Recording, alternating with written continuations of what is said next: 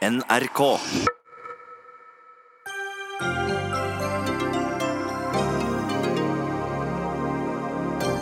I kveld stemmer Frp for å kreve inn 15 milliarder nye bompengekroner. Var bompengeopprøret i partiet bare et spill for galleriet, spør vi. Tilbudet på ABC-klinikken på Ullevål blir dårligere, mener mange, til store protester. La oss føde i fred, ber en som nylig fikk barn på den alternative fødeklinikken. Satsing på museum i en kornsilo deler Sørlandet i to. Viktig for regionen, mener Kristiansands ordfører, mens kritikerne mener det er feil å bruke så store offentlige midler. Og Birken åpner for elsyklister i årets Birkebeinerritt. De risikerer at konkurransen utvannes, mener sportskommentator.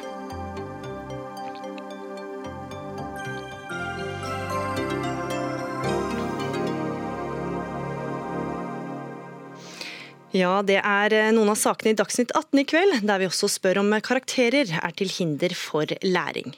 Jeg heter Gry Veiby. I kveld vedtar Stortinget tre nye veiprosjekter. Det gjelder deler av E6 i Trøndelag, E6 i Hedmark og Oppland, samt E18 i Telemark. Til sammen skal det kreves inn mellom 15 og 16 milliarder kroner til disse prosjektene med bompenger. Og et av partiene som vil stemme for, ja det er Fremskrittspartiet. Sverre Myrli, du er stortingsrepresentant eh, for Arbeiderpartiet og transportpolitisk eh, talsperson. Du mener Frp driver dobbeltkommunikasjon i denne saken. På hvilken måte gjør de det?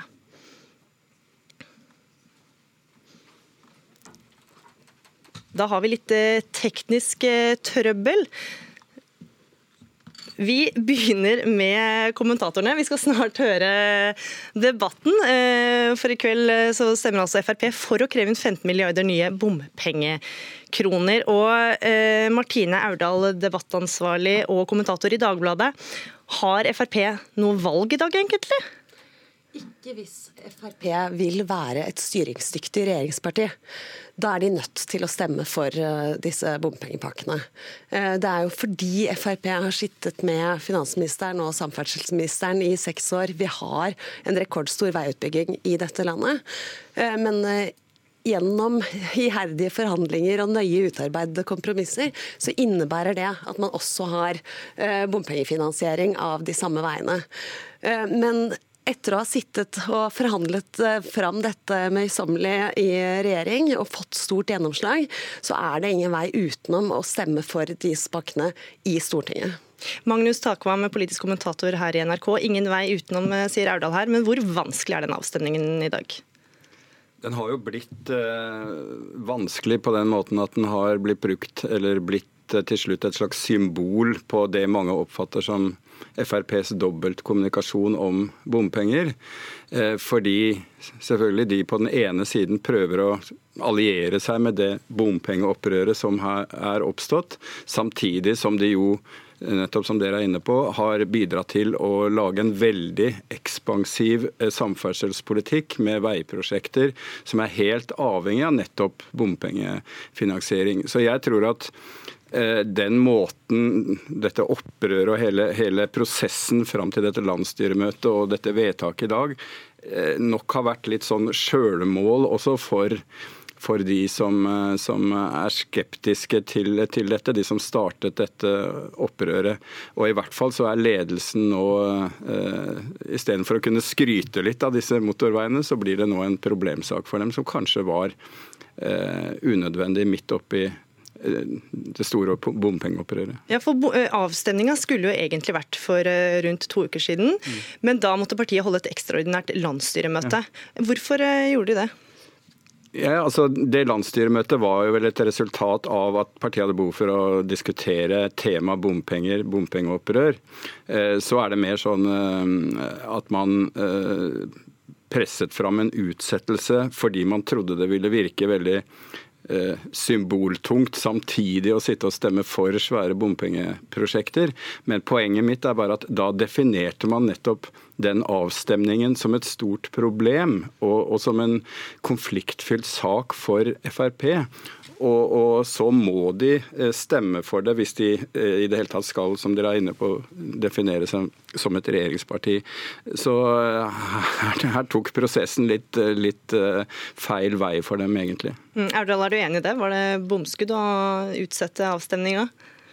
Ja, jeg syns det er et interessant uh, poeng, for da er jo nettopp dette definert som, uh, som bompengepakker, som Magnus Takvam sier her.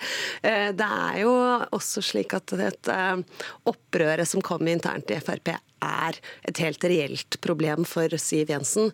Carl I. Hagen gikk jo på landsmøtet og fram med sitt forslag om 100 milliarder ekstra for å unngå det. Eh, i strid med partiledelsens ønske. og Det har nok vært vanskelig for dem å håndtere dette. Så Der og da så kan jeg forstå hvorfor det føltes vanskelig å skulle sitte i Stortinget og stemme for en slik pakke samtidig. Nå har jo likevel Siv Jensen klart å kjøpe seg litt tid. Eh, de har eh, ikke fått noen tidsfrist, men når de skal komme tilbake til landsstyret med resultatet fra disse forhandlingene. Det har jo vært et ønske om å gjøre det så fort som mulig. og ja, Det første var vel at de ville ha det før revidert budsjett og så nå er det vel at de ønsker å kunne ha noe før sommeren. Men det er altså ingenting formelt med vedtaket som sier at de må komme tilbake på denne siden av sommeren, og, faktisk også heller ikke før valget i ytterste konsekvens. Så sånn sett har de flyttet en del av Eh, prosessen over i de mer normale eh, regjeringsforhandlingene. Og det vil være, tror jeg, jo lenger tid det går, en større aksept for at mer kommer i statsbudsjettet til høsten enn, enn nå sånn, som umiddelbare tiltak. Mm. Og takom så er det jo også splittelse internt. Det er jo to stykker som ikke er med på avstemningen i dag. Bompengegeneralene Carl I. Hagen og Christian Tybring-Gjedde. Mm. Eh, hvor store er spenningene internt i partiet? Det er jo en kjent eh, problemstilling at det er en uh, fraksjon, og ofte en ja, betydelig mindretall i hvert fall, som er grunnleggende skeptiske til FrPs praksis i regjering, særlig når de uh, taper på meningsmålingene, selvfølgelig. Så det som skjedde her, var at hele spekteret av den typen kritikere, som har ulike årsaker til sin kritikk, fant en felles sak i dette bompengeopprøret. Og dermed begynte det å bli såpass alvorlig for, for partiet og for, for, ledelsen at Siv Jensen da var nødt til å, å slå i bordet og, og kreve lojalitet. Og så er det klart at For de to så går jeg ut fra at det ville være ganske sånn ubehagelig å måtte svare på hvorfor de stemte for eh, i, i, Stortinget etter voteringen i kveld. Så det er vel litt av forklaringen på at akkurat de byttet ut og møter ikke i dag. Vi har med en av dem som skal eh, stemme for, og det er deg, Morten Stordalen. Du er første nestleder i transport- og kommunikasjonskomiteen, kommunikasjonskomiteen på Stortinget og samferdselspolitisk talsperson for Frp. Hvordan blir det for deg å stemme ja til 15 nye bompengemilliarder om kort tid? Frp er sjelden glad i å stemme for bompenger, men eh, disse prosjektene er noe helt, helt annet enn bypakker og byvekstavtaler, som vi ser er mye støy rundt. Dette er Nye Veier, det er Fremskrittspartiets eh, baby. Må huske på det at Porteføljen til Nye Veier på 530 km de fikk tildelt av oppstarten av selskapet, eh, raskt kunne komme på pletten og si at de nærmest halverer byggetiden fra 20 til 12 år, hva Vegvesenet ville brukt. Eh, det sparer bilistene, altså landet for øvrig, med om lag 30 milliarder kroner. Disse tre prosjektene vi skal behandle i kveld på Stortinget, er alle Nye Veiers prosjekter. Bare de tre alene har man spart kostnader med om lag 8 milliarder kroner versus det hva Statens vegvesen skulle hatt. Men samtidig, Stordalen, eh, Frp har jo hele tiden vært tydelige på at dere er imot eh, bompenger. Eh, hvordan kan det ha seg da at dere stemmer ja i kveld? Det er jo en del av avtalen vi har også med andre regjeringspartiene. Fremskrittspartiet har ikke fått noe blank seier på bompenger. Men vi ser jo det at bompengeandelen har gått betydelig ned i Nasjonal transportplan. Vi har fått gjennom Nye Veier, som viser hvor mye mer veier kan bygge for mindre penger. Men i kveld kunne dere tatt et tydelig standpunkt og sagt nei? I kveld kunne dere vel tatt et tydelig standpunkt ja, og sagt nei? Dette, det, dette er prosjekter eh, som er faktisk eh, betydelig lavere i pris som følge av selskapet Nye Veier. Det er også lagt inn i proposisjonen en reduksjon av bompenger hvis prosjektet blir rimeligere. Det er det også i forhold til Granvoll-plattformen at vi skal la det komme bilistene gode hvis det blir rimeligere byggekostnader. Så, så lenge nye veier står bak, så er bompenger greit? Nei, Det er aldri greit, men det er greiere med lavere bompengesats. Og det er veldig greit at eh, noen får en trygg, sikker firefeltsvei. Vi ser det spriker i opposisjonen hvor man fremmer forslag om å nedskalere til to-trefeltsprosjekter, hvilket jeg vil fraråde sterkt i eh, forhold til trafikksikkerhet. Dette handler om å bygge landet sammen. Trygge, gode samferdselsårer gjennom hele landet. Dette er en del av porteføljen vi ble enige med i 2015 i Stortinget, eh, på rett vei. Eh, hvor vi har en ny veireform som gjør at vi kan bygge nye, trygge, sikre veier mye raskere og rimeligere. Det er litt eh, forsinkelse på linja, men sammen med deg så står Sverre Myrli, stortingsrepresentant fra Arbeiderpartiet, transportpolitisk talsperson. Og du mener Fremskrittspartiet bedriver dobbeltkommunikasjon i denne saken. På hvilken måte gjør de det? Ja, i høyeste grad. Og det er jo Fremskrittspartiet som har stelt i stand dette showet. Må huske på To av de tre veisakene som vi skal behandle her i kveld, har ligget klar til behandling lenge i Stortinget. Men Fremskrittspartiet ønska å få behandlingen utsatt, måtte ha internt krisemøte. Skulle kommunisere ut at de var imot bompenger, men kommer nå sammen med et eh, stort flertall her på Stortinget i kveld til å stemme for store bompengebeløp i de tre nye veiprosjektene som vi nå har til behandling. E18 i Telemark, E6 i Trøndelag og E6 i Hedmark og Oppland. Og så er det faktisk ikke 15 milliarder som skal tas inn i bompenger, det er faktisk 22 milliarder som skal tas inn i bompenger i de tre eh, veiprosjektene. Fremskrittspartiet stemmer imot, og det er jo det folk reagerer på. Den dobbeltkommunikasjonen med å si at du er mot bompenger, og så stemmer, på, stemmer for stadig flere store bompengefinansierte prosjekter. Men samtidig, Myrli, som du sier selv, så er dette prosjekter som har vært planlagt i flere år. og Hvorfor er det da dobbeltkommunikasjon av et regjeringsparti å stemme for sin eh, egen politikk? Ja, Vi har en kommunikasjonsminister som kanskje da heller bør det kalles dobbeltkommunikasjonsminister. Samferdselsministeren er fra Fremskrittspartiet. Han har lagt fram disse tre sakene til Stortinget. Foreslått av regjeringa, foreslått av Frp-statsråden. Hvis han ikke ville lagt fram proposisjonene, sto han helt fritt til det. Han kunne lagt fram proposisjonene med 100% statlig finansiering. Ingen på Stortinget som har sagt at det må være bompenger i alle disse, eh, eh, i alle disse veiene. Men det er et forslag fra regjeringa og forslag fra Fremskrittspartiet som Stortinget slutter seg til. Og, og, som jeg sier, Vi kommer til å stemme for det, og det er bredt flertall på Stortinget her som kommer til å stemme for disse veiene. Det er påkrevede veiutbygginger, ingen tvil om det. Forskjellen er at Fremskrittspartiet sier de er imot bompenger. Vi andre har til og med gått til valg på sagt at vi aksepterer bompenger, vi må ha brukerfinansiering, folk må betale. Eh, Fremskrittspartiet går til valg på det motsatte og sa til og med de skulle rive alle bomstasjonene. Og så kommer det flere og flere og flere bompengefinansierte veier. Det er klart folk reagerer på det. Ja, Stordalen, hva svarer du til dette? Ja, Ja. Eh, nå syns jeg Sverre Myrli skal litt på historien, hvis han er glad i å fortelle historien. Hva som egentlig var planlagt, og når det kunne være bygd. Så er dette en, eh, den debatten som går i salen akkurat nå, om eh, E18 i Telemark, så er det fra motorveiplanen 1962. Da satt ikke Fremskrittspartiet i regjering. Det ble allerede i 1980 foreslått som firefeltsvei.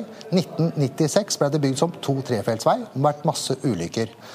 Eh, nye Veier, Selskapet Nye Veier har nærmest halvert byggetiden på prosjektene fra 20 til 12 år. Og vi bygger langt langt rimeligere enn Statens vegvesen ville gjort. Sverre Myrli Arbeiderpartiet har vært mot Nye Veier hele tiden. Samme har Senterpartiet. SV har vært mot det.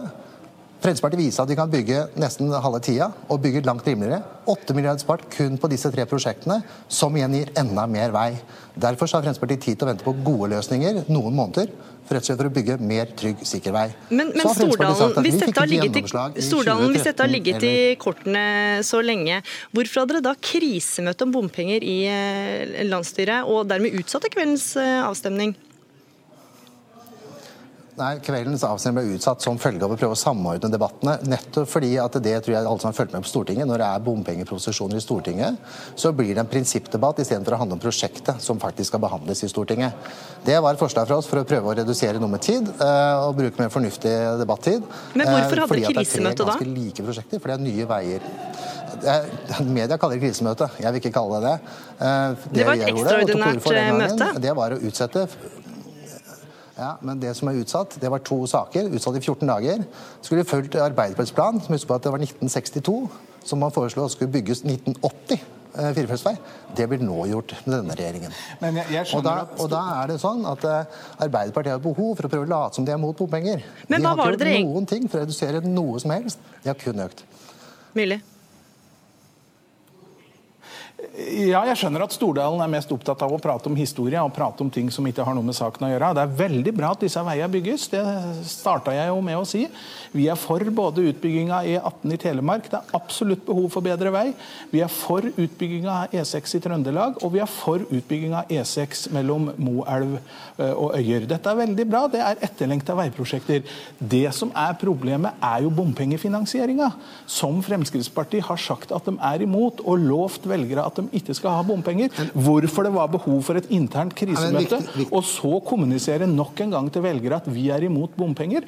Lage et stort nummer av at de i revidert budsjett eh, kutter tre nesten nedbetalte eh, bompengeprosjekter til, to, til, til, 200 millioner, og så krever de inn nye 22 milliarder. Det henger ikke på greip, dette her. Du skal få svare fort på det, Stordalen. Her, her, det, ja, her bygges med bomfri sidevei. Under Arbeiderpartiet så var det et krav at det skulle være bom på sideveier. Fremskrittspartiet har klart å kvitte bom på sideveier. Det betyr at innbyggerne har mulighet til å kjøre bomfritt på sideveier.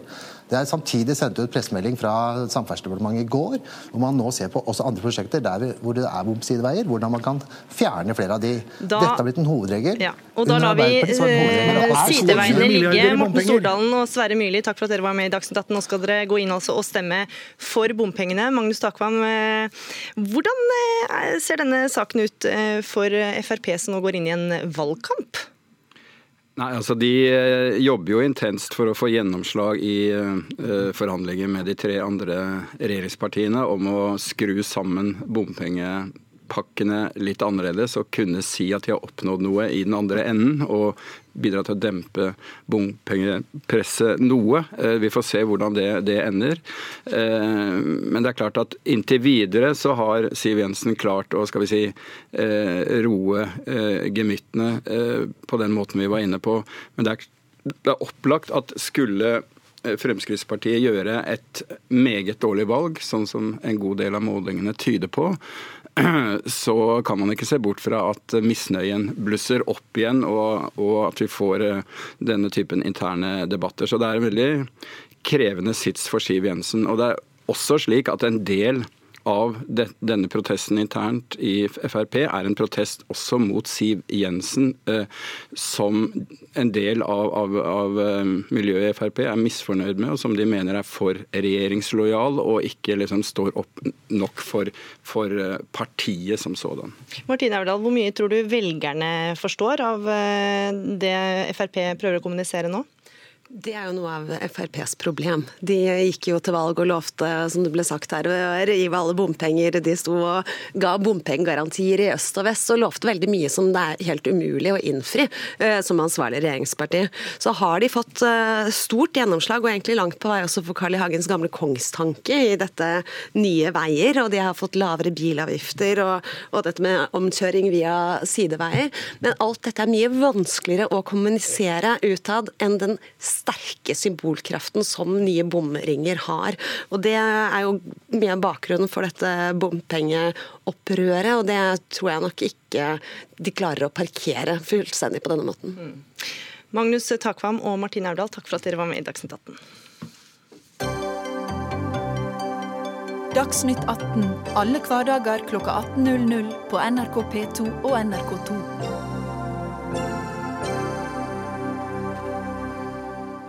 Mens eh, det stormer på og rundt Ullevål sykehus av andre årsaker, var det en liten fødeklinikk på sykehuset som eh, fikk gravide, nybakte mødre og bunadsgeriljaen til å troppe opp til demonstrasjon i går.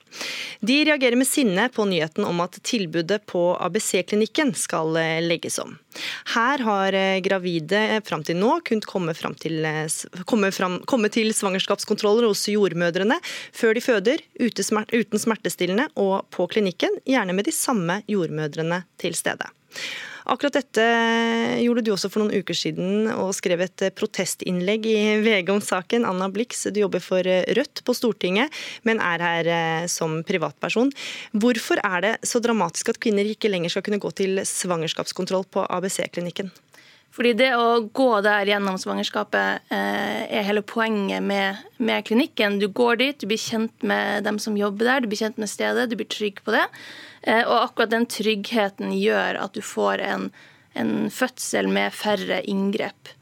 Eh, og det er tryggere for mor og for barn, og det er på en måte det fødsler egentlig skal være. Den skal være trygg, den skal være uten inngrep, den skal være rolig. Uh, og det er et av de få stedene, eller det er faktisk det eneste stedet i Norge hvor man tilbyr det uh, i dag. Men samtidig så legger du ikke ned selve fødetilbudet. Det, er, det eneste som skjer er at uh, gravide nå må gå til helsestasjon eller hos fastlege. Og hvorfor er det så ille da at kvinner må ta til takke med samme tilbud som alle andre får? Det er jo ikke så ille. Det, det, det, tilbudet funker jo også i dag. Men det her er jo eh, et tilbud som holder fødslene, eller er den, den mest normale enden av skalaen på fødsler. Vi ser eh, særlig i Oslo, men også i hele Norge, at inngrep ved fødsler øker. Du øker altså epiduraler, som er sånn smertestillende, eh, og eh, du starter fødsler medisinsk. Eh, og det medfører en risiko både for mora og for barnet. Så det å ha det her systemet hvor man går dit og blir trygg, og dermed får en mer naturlig fødsel, det er det som er eh, Eller det er viktig å opprettholde det, da, den skalaen av det fødetilbudet vi har i Norge. Mm. På hjemmesiden til Oslo universitetssykehus står det ABC-avdelingen er landets mest kjente fødested for naturlige fødsler. Vi tilbyr en helhetlig omsorg med svangerskapskontroller fra ca. uke 24, fødselshjelp og barselomsorg i samme avdeling med samme personale. Bjørn Busund, du er klinikkleder ved Kvinneklinikken Oslo universitetssykehus. Denne teksten må dere nå gjøre om på. Hva skal stå der framover? Vi vil fortsatt eh, opprettholde hele tilbudet til ABC, men vi vil ikke ha alle svangerskapskontrollene eh, der fra uke 24. Men hvorfor velger dere bort eh, den delen av tilbudet? Eh, det er slik at uh, fødeavdelinger i Norge har fått uh, en rekke nye oppgaver de siste årene. En av de viktigste ressurskrevende oppgavene er at vi induserer eller setter i gang mange flere i fødsel enn før. I tillegg så har vi jo en endring når det gjelder jordmor til stede under hele fødselsforløpet, altså helt fra regelmessige rier til barna er ute. Og det betyr at vi eh, blir eh, short på jordmødre. Og vi, vil, vi har problemer med å bemanne eh, avdelinger som tar seg av de, de gravide som har komplikasjoner, eller som er syke gravide, eller som er overtidige. Og da må vi prioritere internt. Så lenge vi ikke får tilført flere ressurser, så må vi prioritere internt. Og så må vi bruke jordmødrene der hvor de har størst effekt. Der hvor det er viktigst å bruke de. Og da er, eh, da er det slik at eh, en av de tingene vi kan omprioritere, det er akkurat svangerskapskontroller hos de friskeste gravide. Så ser jeg også at det har vært et veldig godt tilbud på ABC. Og jordmødrene som jobber der, har gjort en kjempejobb med å lage et av Norges beste tilbud eh, for de friskeste gravide. Mm. Men eh, ressurssituasjonen tillater ikke at vi opprettholder eh, et slikt tilbud. Ja, og Anna Blikstø hører altså De som føder på ABC-klinikken, er de som har sunne og ukompliserte svangerskap. Når man må prioritere, hvorfor skal man ikke skal, man da, skal de komme foran gravide med sykdommer eller andre komplikasjoner? Jeg synes Det er unødvendig å sette de her gruppene opp mot hverandre. Det som skjer når man fjerner svangerskapsomsorgen fra ABC, er at du skaper flere fødsler med, med induksjoner da, eller med medisinske inngrep, fordi man ikke får den tryggheten i løpet av svangerskapet. Eh, og Det er jo ikke bare eh, de aller liksom, friskeste du tar penger fra, man skal også ta penger fra det som heter Ullevål Team, som er et team som støtter de aller svakeste som skal føde, f.eks. dem som har rusproblemer eller andre eh, psykiske problemer. Um, og jeg skjønner ikke helt det her, fordi uh, det finnes penger i systemet. Ledelsen ved Ullevål har millionlønn og gullkanta pensjon. Uh, og fra et medisinsk perspektiv så er det eneste riktige uh, at du Bjørn Busund, tar ansvar og krever mer penger utenfra. For hvis ikke du står opp for det her tilbudet som er medisinsk riktig å ha. Nå følger England etter å innføre her tilbudet på mange avdelinger fordi de ser at forskninga viser at det gir bedre eller det gir færre komplikasjoner. Eh, og hvis ikke du står opp for det her, hvem er det da som skal gjøre det? Er det vi som nettopp har født liksom, og kommer slepende hit med rett fra, fra fødeavdelinga? Ja, Busund? Ja, Hvis vi sammenligner med England, så, så, har vi vesentlig større ressurser når det gjelder å håndtere de fødende. Vi har mange flere jordmødre per, eh, per befolkningsenhet enn England. Så eh, det å sammenligne England tror jeg blir veldig galt. Eh, det er så stor forskjell. Det er jo ikke galt når de innfører en modell som du holder på å fjerne. Og så er det slik at det er ikke slik at vi ikke har eh, sagt at vi trenger mer ressurser. Jeg har sagt gang på gang i mange sammenhenger at de store fødeavdelingene i Norge de eh, er, de er short på, på, jordmorbemanning og på legebemanning. Eh, men når Og vi, har, og vi bebuder en, en økt bemanning på føden i budsjettprosessen for 2020. Men når vi i klinikkledelsen står overfor utfordringer eh, som gjør at eh, tilbudet til syke og kompliserte eh, svangerskap blir for dårlig, etter vår mening, så må vi prioritere innenfor de ressursene vi har. Og jeg er ikke i stand til å øke ressurstilgangen til uh, vår fødeavdeling uh, uten videre. Men Busund, ukompliserte fødsler er jo mye billigere enn fødsler hvor uh, kvinnen blir liggende lenger på sykehuset både før og etter fødsel. Hvordan vet du at, denne, at dette her ikke vil på sikt gi større Altså du vil spare mer ved å opprettholde tilbudet? Det er ingenting som tyder på at, uh, at eh, det å redusere svangerskapskontrollene på ABC vil føre til flere induksjoner eller flere keisersnitt eller flere andre inngripende det er slik at eh, eh, Keisersnittfrekvensen ved Oslo universitetssykehus den er redusert takket være iherdig innsats fra jordmødre og leger eh, der over de siste årene. Helt uavhengig av antall som føder eller blir fulgt opp på ABC. Vi er, vi er et av de landene i verden som har lavest keisersnittfrekvens, og det skal vi være veldig fornøyd med. Mm. Det er veldig bra, men hvis du ser på induksjonsraten, så øker den i Oslo.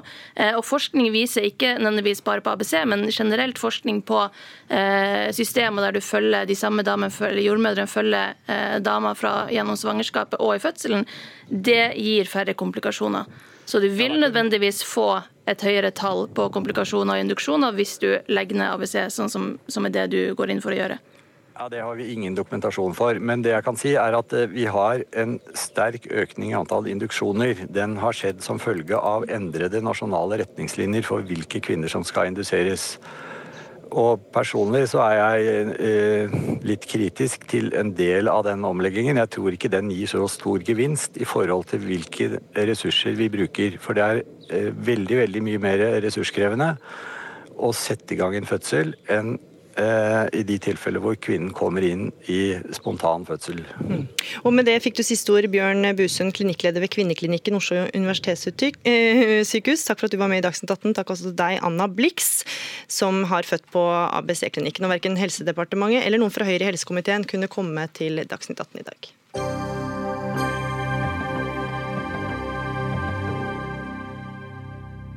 Og er du en av dem som har drømt om å sykle Birken, men er redd for at eh, formen ikke holder? I år ønskes elsyklistene for første gang velkommen i Birkebeinerrittet.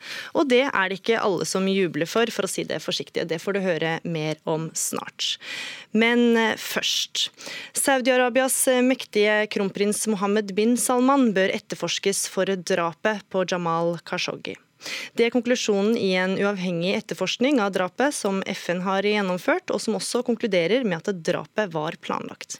Den saudiarabiske journalisten, skribenten og regimekritikeren Khashoggi ble drept inne på Saudi-Arabias konsulat i den tyrkiske storbyen Istanbul i fjor. Og Sissel Wold, korrespondent i Istanbul, hvor alvorlig er denne rapporten for kronprins Mohammed bin Salman? Den kan jo føre til at det internasjonale presset øker mot ham. Det har jo vært uh, veldig mye oppmerksomhet rundt dette drapet tidligere, i fjor.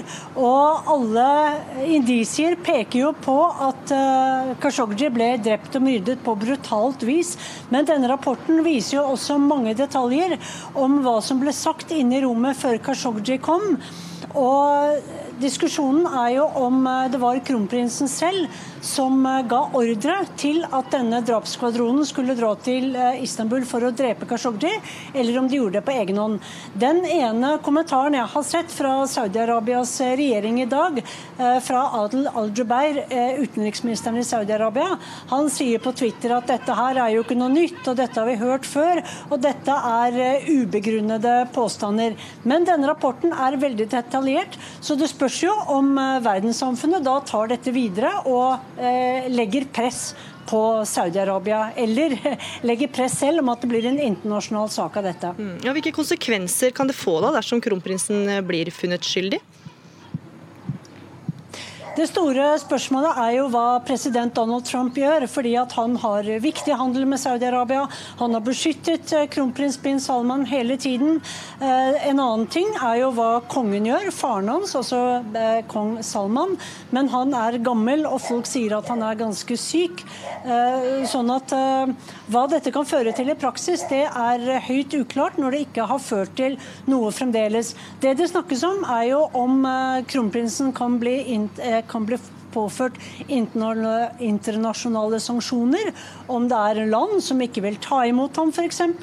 Denne kronprinsen er jo reiseglad, og de kongelige saudierne de liker å reise til utlandet og bruke pengene sine i Frankrike og andre steder. Så det kommer også an på hva verdenssamfunnet kommer til å gjøre, hvordan de kommer til å reagere. Mm. Har det kommet noen reaksjoner fra verdenssamfunnet så langt?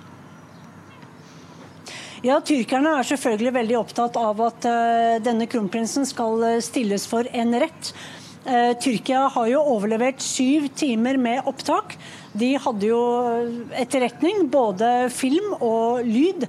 Sånn at uh, Tyrkias president er jo veldig opprørt over at uh, noe sånt kunne skje i Istanbul. Um, men uh, ellers så får vi se. Det er jo også en rettssak som pågår i Saudi-Arabia. De sier jo at de skal stille 11 av de 15 mistenkte i denne drapssaken for retten.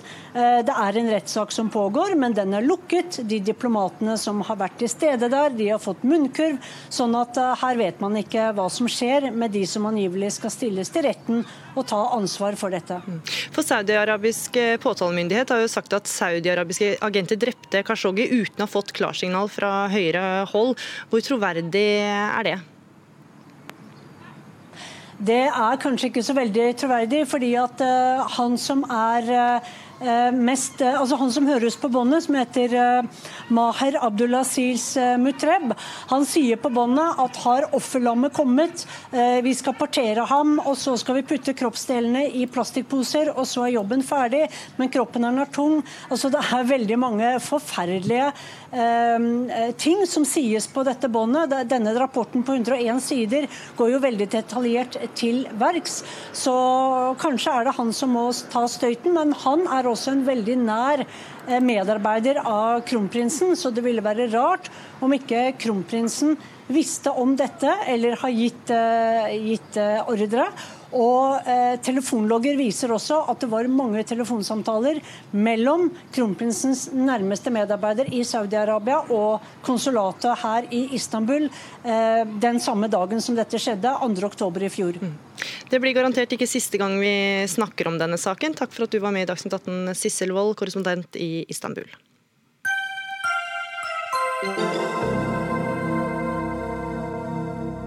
Ja, Blir du seig i beina bare av tanken på 86 km på sykkel over fjellet fra eh, Rena til Lillehammer? Nå kan årets eh, ritt være noe for deg. For Birken vil henvende seg til mosjonister som ikke er blodtrimma, ved å åpne opp for syklister med elsykkel, skriver Finansavisen. Men eh, elsyklistene skal ikke konkurrere på tid, bare delta i den lange ferden på grus og traktorvei. Og Eirik Torbjørnsen, daglig leder i Birken AS. Eh, hvis elsyklistene ikke skal konkurrere, hva er poenget da med å la dem være med i Birkebeinerrittet? Vi ønsker at eh, Birken skal være opplevelser og utfordringer for alle.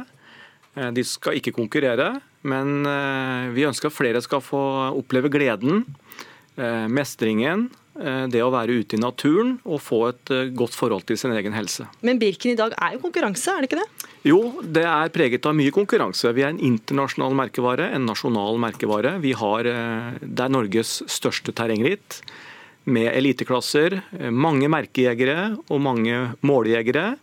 Men vi ønsker et sterkere fokus på folkehelse og gjøre Birken tilgjengelig som en opplevelse for stadig flere. Men så vil jo noen spørre, spørre seg, for, for, ti år siden så var det sånn at eh, listene til Birkenbeinerrittet ble fulltegna på under ett minutt. Men de siste årene så har det dabba av, og dere har altså mista litt eh, sponsorinntekter. Hvor sterke økonomiske hensyn ligger bak eh, dette forslaget om å åpne, eller denne, det at dere skal åpne for elsyklister? Det ligger lite økonomiske eh, føringer for dette. Dette handler om at vi er en av Norges fremste motorer for norsk folkehelse. Vi har et samfunnsansvar eid av idretten, tilbakefører midler til idretten. Og vi ønsker i, i større grad å, å, åpne opp for at uh, langt flere skal få gleden av å delta og oppleve og føle seg som en ekte birkebeiner. Leif Welhaven, sportskommentator i VG, hva syns du om at eh, Birkebeinerrittet også skal åpne opp for elsyklister? Altså jeg tenker umiddelbart at dette bærer preg av et uh, sjansespill. og altså Risikoen man påtar seg her, er liksom å støte litt fra seg litt sånn erkebirkebeineren. Man opererer i et marked med tøff konkurranse med andre evenementer. og Spørsmålet er liksom hva det gjør med statusen og oppfatningen til folk som kunne tenke seg å være med på Birken. Altså Hvis du da skal ha dele fjellet med, altså med elsyklister. På en måte så strider det liksom, tror jeg, liksom, mot kjernen i hva liksom, erkebirkebeineren ønsker seg. og Faren er at du kanskje får uh, noen elsykler inn, men at du også får potensielle deltakere deltakere ut. Og jeg er ikke umiddelbart overbevist om at uh, dette arrangementet altså, i sum vil eh, komme godt uh, ut av det. Og hvis man kaller seg altså, en motor for folkehelse, så er jeg usikker på om altså, å innføre motor er uh, den lureste måten å gå. Ja, har du tenkt på det? Konkurranserytterne som er med på Birkebeineren og følger med på tida si og syns det er viktig å vinne, hva, hva vil gjøre for deres motivasjon for å delta når det er, kan bli forbigått av syklister med el? Vi har fått fantastiske tilbakemeldinger tilbakemeldinger fra Sykkel-Norge etter at vi lanserte og åpna for elsykkelklasse. De skal starte eh, i en egen klasse eh, ganske langt ut i rittet, uten tid og med fokus på eh, å komme seg ut. og Det er ikke alle mennesker som har de forutsetningene. Jeg er rimelig sikker på at Birken fortsatt har en høy status. Det, det, vet vi, det ser vi. Vi har gode påmeldingstall i år. Vi kommer til å øke. Og konkurranseklassene og merkejegerne kommer fortsatt til å, å synes det er stas å sykle på fjellet. Men hvis du er en elsyklist som gjerne vil eh, konkurrere på tid, da hvorfor skal, skal man ikke få lov til å bli tidtaka? Ja, vi åpner nå. I første omgang så ønsker vi å henvende oss med et sånt tilbud til eh, den delvis aktive, kanskje delvis inaktive delen av befolkningen, slik at flere kan ta del i å gjøre noe med helsa si. Eh, dette er et, tilbud for å oppfylle det vi styrer etter, nemlig at det skal være opplevelser og utfordringer for alle, uavhengig av fysisk utgangspunkt. Mm. Velhaven, hvordan tror du sponsorer vil reagere på dette? her? Altså, jeg er usikker på om dette er noen eh, sponsormagnet. For det handler jo litt om hva Birkebeineren eh, skal være. Er det altså et idrettsarrangement, eller er det et turhelsebringende ritt? Det høres jo mest ut som et folkehelsearrangement. Ja, og, hvor ligger liksom sponsorattraktiviteten i det, er jeg litt usikker på. Hvis du da altså det både kan, altså kan stille spørsmål på inntektssiden og på deltakersiden. Vi altså skal huske at du altså appellerer delvis til kanskje en litt, ikke verdens rauseste folkegruppe. Hvis du litt klisjémessig altså snakker om litt eh, godt bemidlede menn i middelalderårene et eller annet sted fra Bærum og Oslo vest, så er ikke nødvendigvis liksom at en sånn forandring av konseptet vil være noen sånn innertier på lokket i seg den gruppa her. og Legger du næringslivet på toppen i, og du skal konkurrere om tiden til folk, så tar man absolutt en risiko her. Så kan det godt være at, eh, at det går bra, men jeg er litt usikker på hvor gjennomtenkt det er. Dette er ikke sjansespill. Dette dette er gjennomtenkt. Det handler om å utvikle omdømmet til Birken. Nå nye målgrupper, nye generasjoner med andre preferanser, krav og forventninger. Og elsykkelen har kommet for å bli. Jo, men samtidig så vil jo noen tenke sånn Birkengrenene symboliserer liksom den historiske ferden i 1205. Kongssønn Håkon Håkonsen som ble båret over fjellet, og alle deltakerne må ha en sekk da på 2,5 kilo. Det må også Tenk at flere kan få oppleve dette. Men hvordan harmonerer det med å sitte på en eldrevet sykkel? Ja, nå, nå, er det ikke sånn at med eldrevet sykkel så starter du en motor, og så slipper du at beina skal gå. Du må, vi har en, en veiledning på birkebeiner.no på hvordan uh, man må forholde seg til dette. Det å sykle ni mil eller halve distansen på en elsykkel, det er en, en utfordring i seg sjøl, der du må tråkke på ganske mye sjøl. Så dette er mye helse i, og det er godt uh, og riktig for Birken å åpne for elsykkel. Mm. Altså Nå er det en enorm forskjell på å sykle en elsykkel versus å sykle en eh, vanlig, eh, vanlig sykkel, hva det krever fysisk. Og Faren er at du havner litt i den gode gamle soloreklamen, hvor du har altså en mann med tights og hjelm som blir altså forbipassert av en bestemor på en helt annen type sykkel. Og Her ligger liksom hele faren, hvordan den opplevelsen eh, vil være. Og Det er altså, tror jeg er grunnen til at jeg, gjør, at jeg velger å møte dette med sunn skepsis. Så jeg, jeg håper jeg blir positivt overrasket. Jeg, jeg, tenker at Hvis du blir eh, som syklist eh, og det kommer en på elsykkel, så tenker jeg at, det, så tenker jeg at de fleste vil utvikle, uttrykke raushet overfor det. Disse skal jo ikke med å konkurrere i samme klasser. Fjellet, de skal bare sykle lett forbi uten skal, å ha en eneste svettedråpe i panna. De er nok rimelig, det å være en birkebeiner, det å tråkke på elsykkel, eh, krever nok både sin mann og sin kvinne. Det er ikke så enkelt at det bare er å sette på batteriet og, så, og sykle ni mil. Men hvor går grensa da? Har dere vurdert elektrisk sparkesykkel f.eks.? Nei, det har vi ikke. Vi prøver nå etter råd fra Sykkelforbundet, og ikke minst eh, fordi regjeringen har åpna for og ønska elsykkel velkommen utmark. Også en egen klasse. Dette skal være lavterskel. Dette skal være for at mennesker eh, med, ut, med, andre fysiske forutsetninger skal få lov til å få en opplevelse og gleden med å komme seg ut. Og Første gang en elsykkel da skal tråkke seg gjennom Birkebeinerrittet er lørdag 31.8. Takk for at dere var med i Dagsnytt 18, Eirik Torbjørnsen, daglig leder i Birken AS, og Leif Welhaven, sportskommentator kommentator i VG. Hør Dagsnytt 18 når du vil. Radio NRK Radio.nrk.no.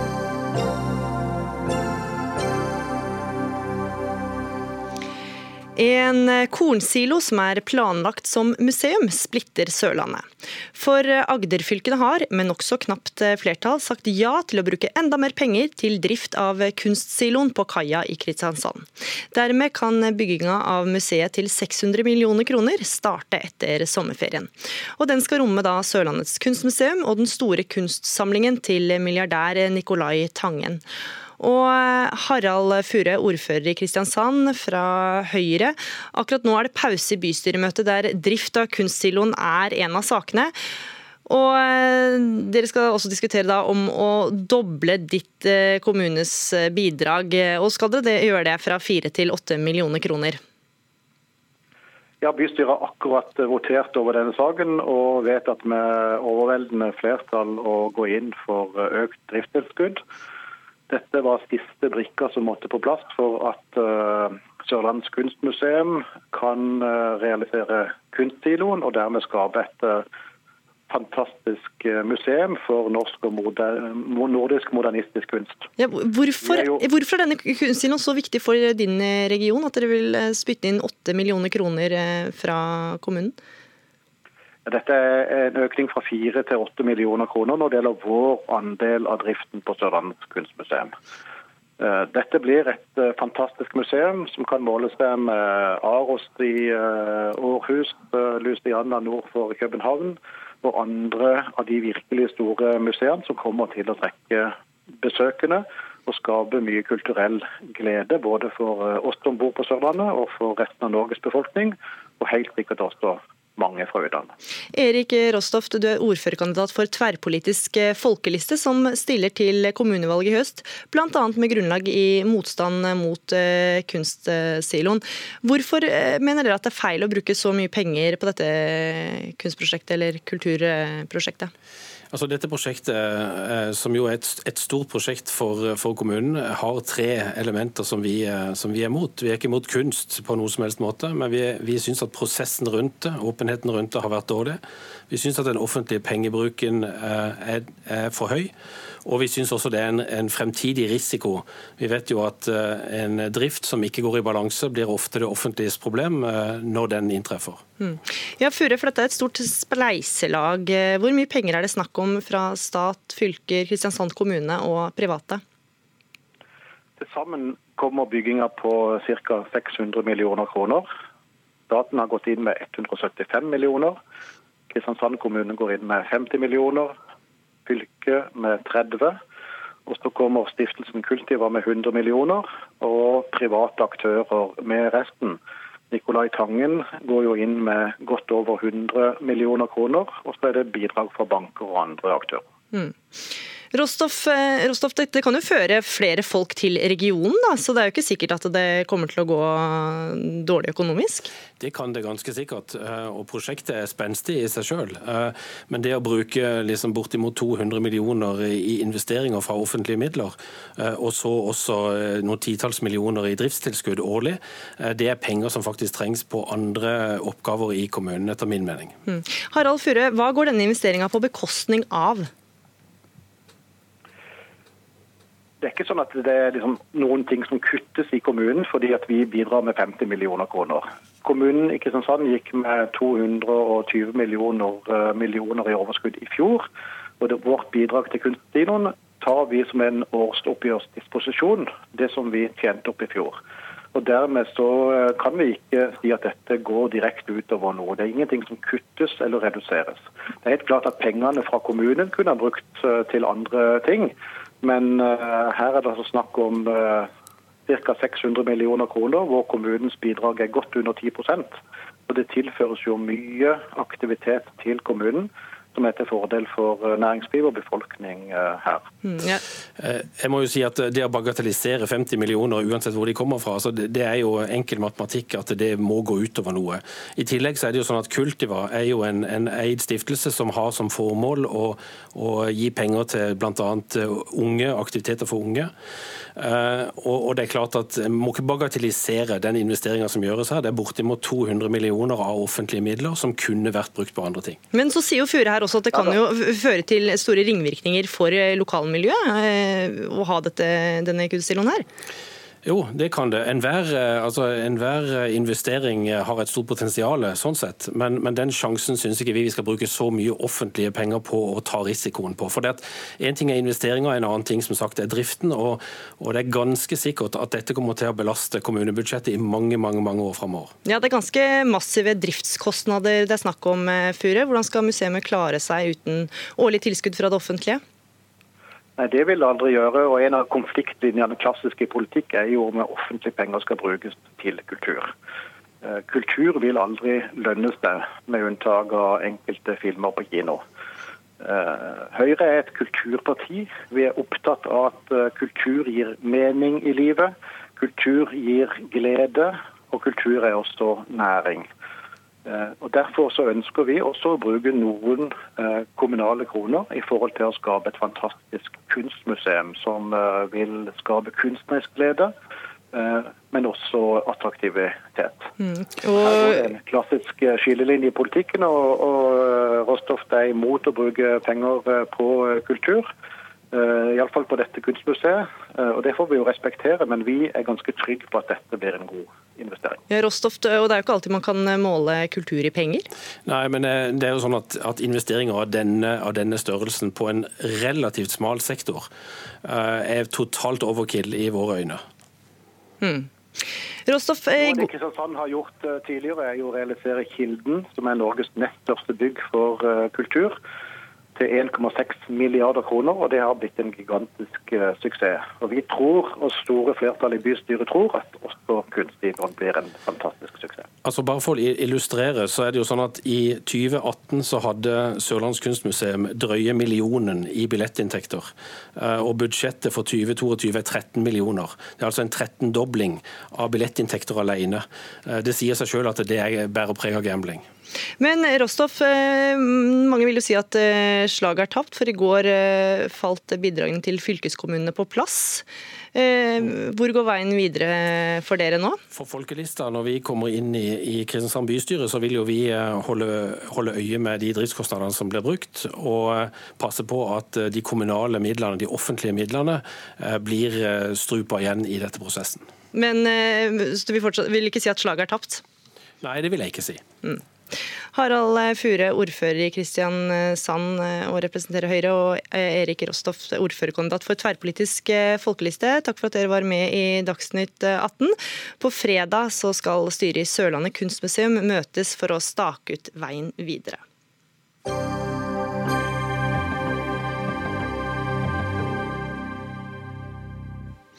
Eksamenstid er for mange ensbetydende med pugging, lesing og mye nerver.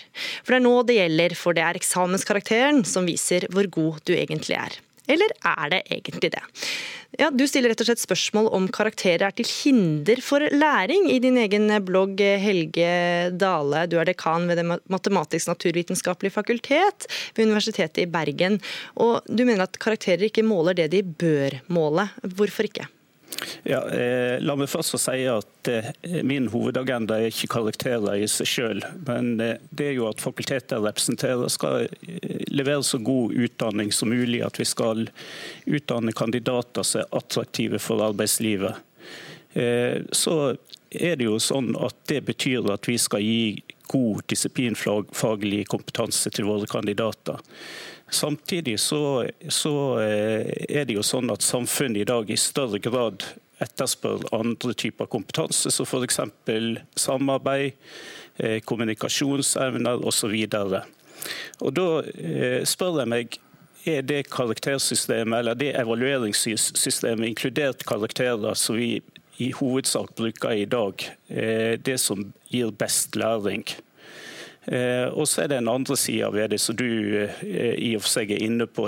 at eh, Vi ser jo det at våre studenter mange sliter med, med eksamensnerver, prestasjonsangst osv. Så, videre. så det er litt ulike sider ved det her. Men det er ikke sånn at jeg i, i hovedsak vil ha fjerna karakterer. Det er andre sider jeg er opptatt av ved vårt utdanningssystem. Men hva mener du, Hvis vi holder oss til karakterene, da, hva mener du er alternativet for å måle studentene? Jeg ønsker jo at vi i større grad skal ta i bruk eh, formativ vurdering, så da ikke en rangering eh, på slutten av et kurs, men en, en eh, evalueringsform som støtter opp om læring og sørger for at studentene får gode tilbakemeldinger. Og en evalueringsform som kan gjøre at vi kan tilpasse vår undervisning etter hvert som eh, semesteret går. Carl Karl Harald Søvig, du er dekan ved Det juridiske fakultet eh, ved Universitetet i Bergen. Hvordan ville det vært å utdanne jurister med mindre fokus, fokus på karakterer? Nei, Å utdanne jurister med mindre fokus på karakterer tror jeg ville vært bra. Men helt å fjerne karakterene, det er jeg skeptisk til. Karakterene tror jeg har en rolle både når det gjelder å motivere studentene, og det har en rolle for arbeidsgivere når de skal finne ut hvilke studenter som de skal rekruttere. Men så skal jeg gi eh, kollega Dale helt rett i det at vi trenger en diskusjon om karakterer. Det er ikke gitt at man skal ha karakterer i samme omfang og på samme måte som vi i dag har i høyere utdanning. Mm. Dale, du skriver på bloggen din at eh, karakterer er blitt et mål i seg selv for mange studenter og elever, og det påvirker i høy grad hvordan de prioriterer. Eh, hva mener du med det? Ja, Det betyr jo at en eh, f.eks. velger fag lett å få gode karakterer framfor fag som en kanskje burde ha valgt. Og Da tenker jeg spesielt på videregående skole. Ja, Søvig, hvis det endrer litt hvordan man legger opp løpet sitt, er det ikke da, hvilke andre metoder tenker, ser du for deg at man kan bruke? Så man kan jo ha bestått, ikke bestått. og På en del kurs så vil studentene ha bedre utbytte av det, fordi da vil de konsentrere seg om læringen. Og jeg kommer jo fra et fakultet, juss, hvor det nok er for stor oppmerksomhet om karakterene. Og det gjør, litt som Dale er inne på, at vi får en veldig Studentene eh, fokuserer på det som de tror gir uttelling på eksamen, og ikke nødvendigvis på det som er de faglig mest interessante spørsmålene. Mm. Men når det er sagt, karakterer har vært viktig for mange grupper. Typisk hvis du ser på rekruttering til arbeidslivet. Hvis du har gode karakterer, så får du jobb. Helt uavhengig av sosial bakgrunn, kjønn osv. Så videre. så sånn sett har karakterene vært eh, veldig viktig for mange grupper som ellers ikke ville ha nådd opp i et mer sånn hierarkisk sosialt system. Mm, ja, Dale, Det er jo et nyttig middel for å unngå trynefaktor, da? Ved setting av karakterer? Jeg tror nok at vi kan ha eh, andre evalueringsformer hvor eh, trynefaktor eh, ikke er viktig. Altså Det viktigste er jo det at en får en god utdanning. Og så er det jo som Karl Harald sier, at, at karakterer er jo den dominerende evalueringsforma vi har. Den blir brukt av arbeidsgivere i spesielt førstegangsjobben for å, å sile ut gode fra mindre gode kandidater. Men Hvordan skal da arbeidsgivere få vite at de får den beste kandidaten dersom de ikke har karakterer å basere det på? Jeg tenker det at de i større grad må, må basere sin rekruttering på, på eh, andre kriterium enn det karakterene i dag. Intervju, det kan være andre måter eh, kandidatene får, får eh, vist sine kompetanser på. Mm. Søvig, hva tenker du om det? Hvordan ville det gått eh, i, for en nyutdanna jurist? Nei, Det kunne jo gått, men jeg tror at karakterene har sin fordel. Først og fremst fordi at eh, sosial bakgrunn, kjønn, andre komponenter ikke spiller inn. Men når det er sagt, så vil jo karakterer altså Det fører til delvis en uheldig oppmerksomhet om en del ting, og det gjør noe med studentenes læring. Så jeg mener jo det at vi trenger en god, balansert diskusjon om karakterer, hvor vi ser på at det er fordeler med karakterer, men det er også ulemper. Sant? Hvilke ulemper helt konkret tenker du på da for eh, studentene? For vår del, og juss er kanskje litt annerledes enn mange andre studier, fordi at karakterene har så stor betydning, ikke bare for førstegangsansettelser, men eh, selv langt ute i karrieren så kan du bli møtt med hvilke karakterer du hadde til avsluttende eksamen. Eh, Fordelen, eller Ulempen med karakterer først og fremst er det at det får stor oppmerksomhet. Studentene er mer opptatt av hvilken karakter de får, enn faktisk hva de lærer. Og For vår del ser vi det at studentene bruker uh, mye ressurser på å klage, og de tar eksamen om igjen. Og mm. Begge deler koster penger, men det gjør også noe med læringen. Men dette vil man jo ikke klare å redusere ved å ikke ha karakterer, hvis man har mappeevaluering f.eks., som er et av forslagene til eh, Dale?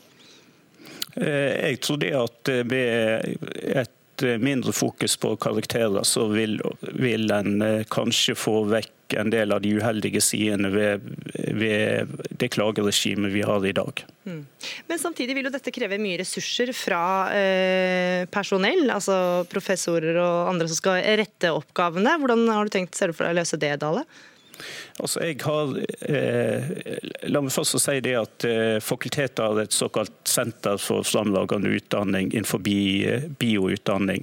Så har hatt ganske stor impact på måten vi, vi, tenker på utdanning ved mitt fakultet og ved Universitetet i Bergen, og for så vidt òg nasjonalt.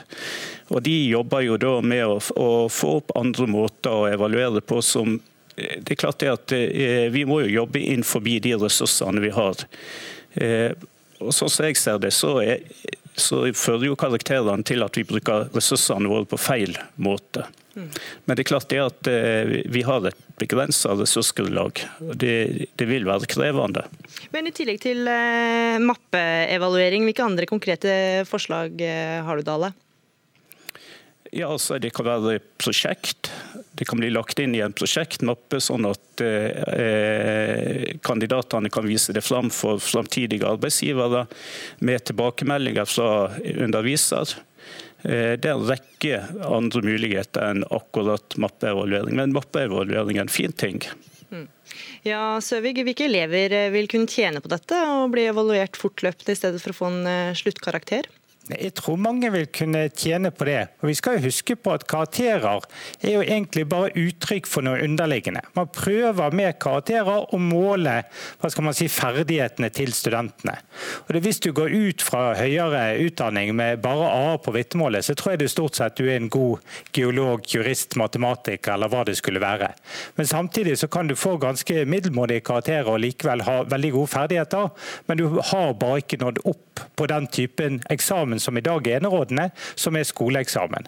Så jeg mener det at Vi skal ikke bare se på karakterene, og der tror jeg Dale og meg er enige. Vi må òg se på prøvingsformer i høyere utdanning, og prøve der hvor det er mulig å komme vekk fra at skoleeksamen skal være enerådende. Mm.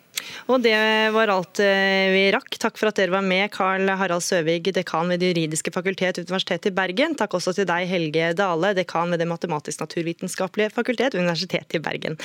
Og Da er Dagsnytt 18 ferdig for denne gang. Ansvarlig for sendinga var Fredrik Lauritzen. Det tekniske ansvaret hadde Marianne Myrhol. Og i studio Gry Veiby.